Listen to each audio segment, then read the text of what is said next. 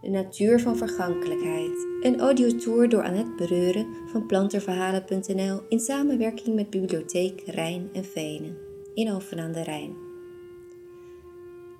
Mede mogelijk gemaakt door het Bonkeurfonds. Wat is rouwen? Welke rol kunnen planten spelen in dit proces? Wat is de traditionele symboliek van planten op de begraafplaats? Hoe kunnen zij ons helpen bij afscheid nemen en herdenken? Deze audiofragmenten kun je beluisteren waar je ook bent.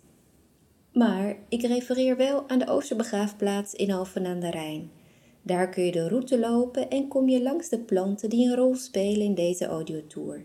Kersenbomen, de vlier, maagdenpalm, taxus en beuken.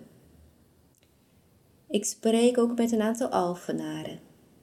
De begraafplaatsbeheerder Jeroen Wagenaar, Rauwe natuurcoach Trudy Endhoven en de stadsdichter van Alphen aan de Rijn, Lars Verwerde, heeft speciaal voor deze gelegenheid een gedicht geschreven.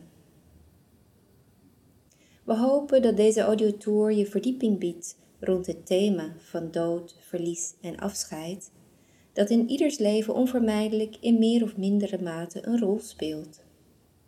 De symboliek en metaforen van de planten bieden misschien een manier om uiting te geven aan emoties die we ervaren op de begraafplaats en in een rouwproces.